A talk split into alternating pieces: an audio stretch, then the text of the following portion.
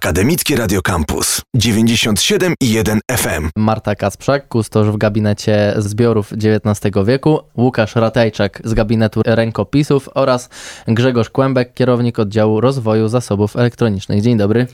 Dzień dobry. Dzień dobry. E, Chcemy porozmawiać o między innymi o kolekcji e, Konopnicka e, na Dobrej. Na początku może wyjaśnijmy wszystkim słuchaczom, może tym, którzy nie wiedzą, kim była Maria Konopnicka i dlaczego akurat jej zbiory zostały w tej kolekcji zebrane i czym one się wyróżniają, dlaczego są wyjątkowe. No może tak źle nie jest, że na Uniwersytecie Warszawskim nie wiemy, kim jest Maria Konopnicka, ale pewno nigdy dosyć przypominać i też dlatego y, w tym roku, w 2022 roku, y, został y, ustanowiony decyzją Sejmu Rzeczypospolitej Polskiej rok Marii Konopnickiej. To jest sprawa związana ze 180-leciem jej urodzin. My mówimy o Konopnickiej na dobrej dzisiaj, o Konopnickiej w Buwie, dlatego że ta wielka rocznica zbiega się z taką naszą mniejszą, ale bardzo ważną dla nas e, rocznicą. W tym samym 22 roku mamy 15-lecie naszej biblioteki cyfrowej CRISPA e, i w związku z tym postanowiliśmy, że te zbiory Marii Konopnickiej, poetki, pisarki, nie pamięta się bardzo często o tym, że nie tylko pisarki, autorki utworów dla dzieci o krasnoludkach i sierotce Marysi, ale bardzo ważnej poetki przełomu XIX i początku XX wieku, tłumaczki, nie tylko autorki tekstów patriotycznych, ale, ale najróżniejszych utworów lirycznych i prozatorskich. Dlatego postanowiliśmy tę, tę kolekcję w Buwie, którą mamy, dużą, książek, czasopism, listów, o których zapewne powiemy dzisiaj najwięcej, pokazać w jak najszerszy i jak najbardziej nowoczesny sposób, a to znaczy z użyciem możliwości biblioteki cyfrowej. Mówimy o bibliotece e, cyfrowej, czyli można zobaczyć tą kolekcję tylko w cyfrze, czy można też e, gdzieś e, na miejscu zobaczyć na żywo? Listy możemy zobaczyć i na żywo, przychodząc do gabinetu rękopisów i korzystając z tych materiałów u nas w czytelni.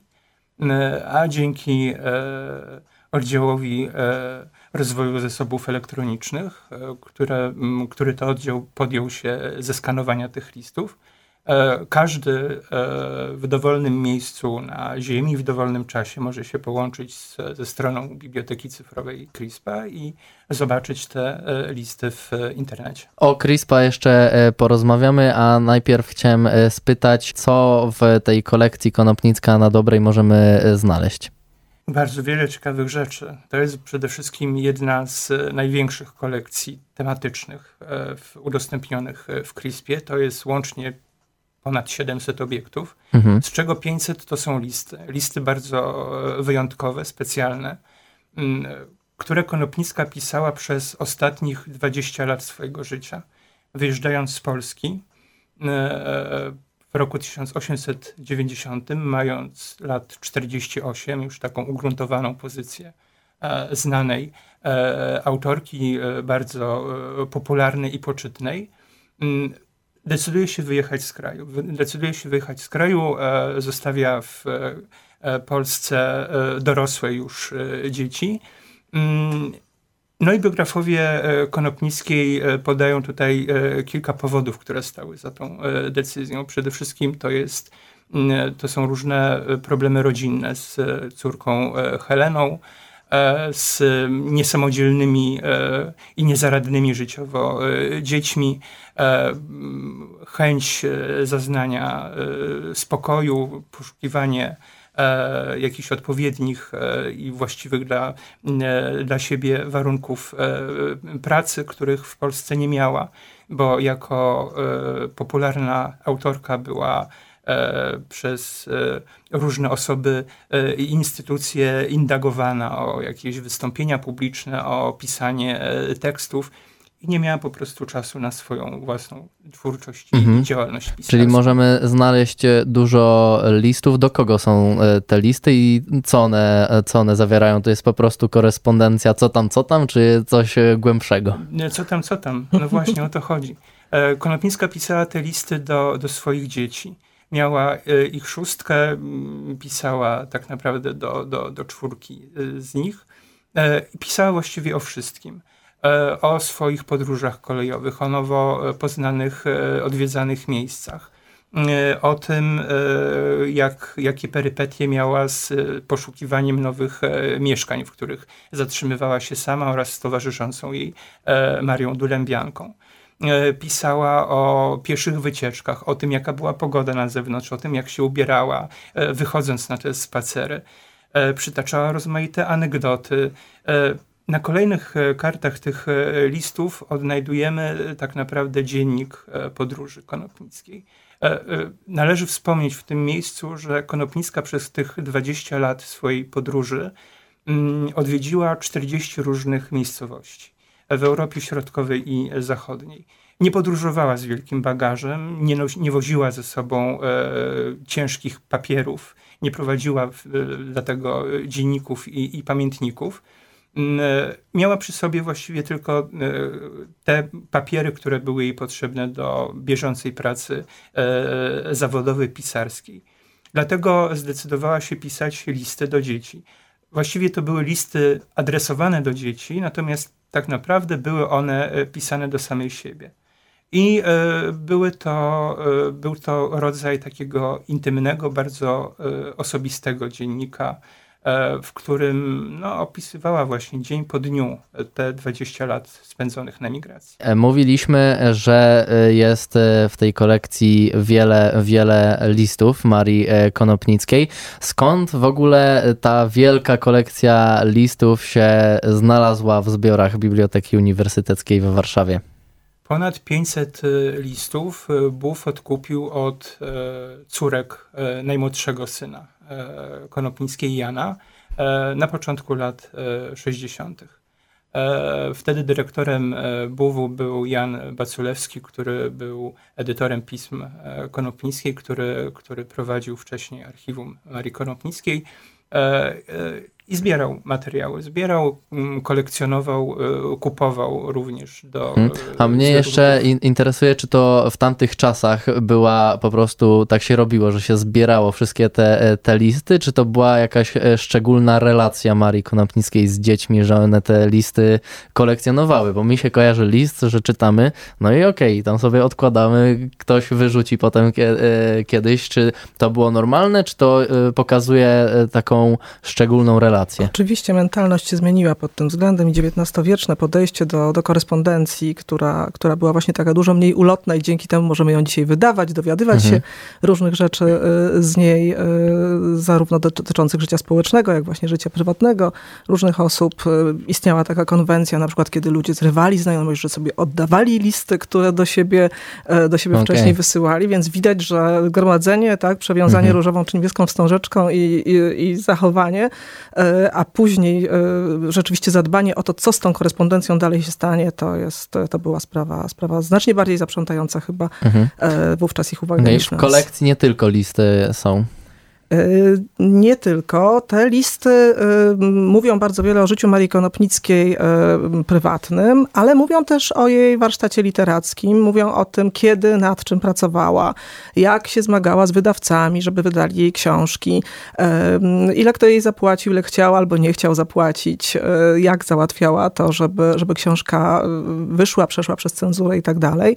Bo rzeczywiście Maria Konopnicka przede wszystkim jest nam znana oczywiście publicznie jako, jako autorka e, tekstów drukowanych w książkach i czasopismach. Pamiętajmy o tym. Ona była nie tylko poetką, pisarką e, wydającą książki, ale także dziennikarką, redaktorką, w pewnym momencie redaktorką naczelną czasopisma, e, czasopisma Świt przez, przez dwa lata w latach 80. XIX wieku.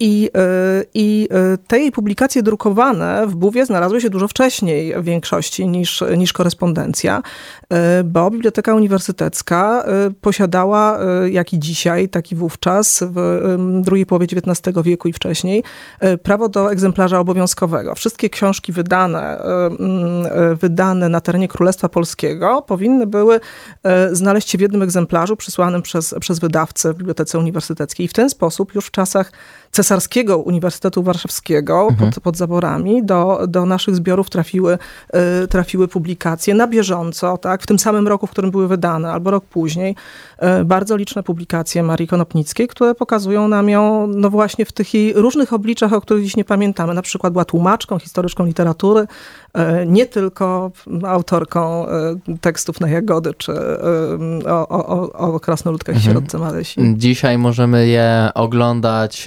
online dzięki e, zbiorom online e, bibliotece e, internetowej CRISPA. Co jeszcze możemy w CRISPie obejrzeć? Bardzo dużo. Od właśnie zbiorów specjalnych, jak, jak rękopisy, jak stare druki, zbiory XIX-wieczne, po dzieła graficzne. Na przykład można sobie obejrzeć dzieła Rembrandta, mhm. E, które posiadamy w gabinecie Rycin. E, największa, e, największy zasób to są wspomniane już czasopisma, tak naprawdę. To jest największa, największy zasób y, CRISPy. Teksty źródłowe, z których y, studenci, pracownicy, wszyscy tak naprawdę mogą korzystać, y, sięgać, otwierać skądkolwiek, gdziekolwiek. Mm, bardzo duża część, powyżej 99%, jest otwarta, jest w tak zwanej domenie publicznej. Obecnie jest to ponad 400 65 tysięcy publikacji. E, jak wychodziliśmy do radia, było ich dokładnie 465 811. Jak przed chwilą sprawdzałem, e, już e, 14 publikacji się opublikowało, więc jest to żywa biblioteka. A Konopnicka jest jeszcze wyjątkowa z jednego powodu ta kolekcja, bo do listów dołączona została transkrypcja. Mhm. Dzięki bardzo dużej pracy y, y, y, kolegów z gabinetu rękopisów, dzięki zgodzie profesor Manion, Manione, została udostępniona również transkrypcja, czyli przepisanie listów, bo Konopnicka zbyt ładnie podobno nie pisała, ja nie, nie umiem rozczytać.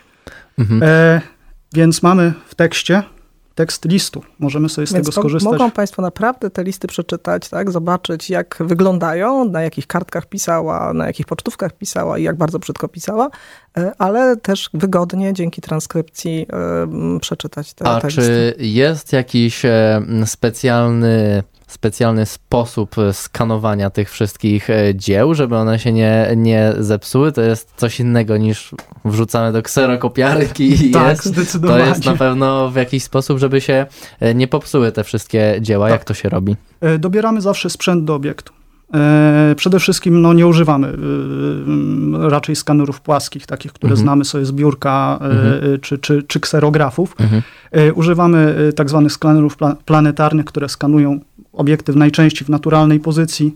E, one są odpowiednio dociskane lub nie szybą. E, jeśli obiekt jest e, tak delikatny, na przykład są to właśnie zbiory graficzne, które mają farbę ręcznie nakładaną, wtedy stosujemy na przykład fotografię. Jest to, to profesjonalne sprzęty do stanowiska, do digitalizacji, stąd nie idziemy w miliony, Mhm. Tylko, tylko, no czy trochę idziemy w miliony, bo w CRISPie tak naprawdę obecnie jest około 6 milionów skanów dostępnych, więc y, całkiem nieźle. Mhm, Okej, okay. jeszcze ostatnia, ostatnia sprawa. 21 grudnia w Bułowie będzie można zobaczyć specjalną makietę, tak? Y, co to będzie? Tak, zapraszamy 21 grudnia w holu katalogowym w Bibliotece Uniwersyteckiej. Zostanie e, zaprezentowana na kopii XIX-wiecznej e, mapy e, z historycznego zasobu BUF wizualizacja wybranych listów, jaką drogi, jakie przybyły, przybyły listy Konopnickiej przez 20 lat jej podróżowania po, po Europie. Na tej makiecie nasi goście będą mogli e, zobaczyć mm, fragmenty, e, cytaty z e, tych e, listów. Dzięki zastosowaniu kodów QR będą mogli przejść do e, biblioteki cyfrowej CRISPA, zobaczyć list w oryginale, jak Mhm. zostało powiedziane przed chwilą, również zapoznać się z transkrypcją tych listów. Słuchaj Radio Campus, gdziekolwiek jesteś. Wejdź na www.radiocampus.fm.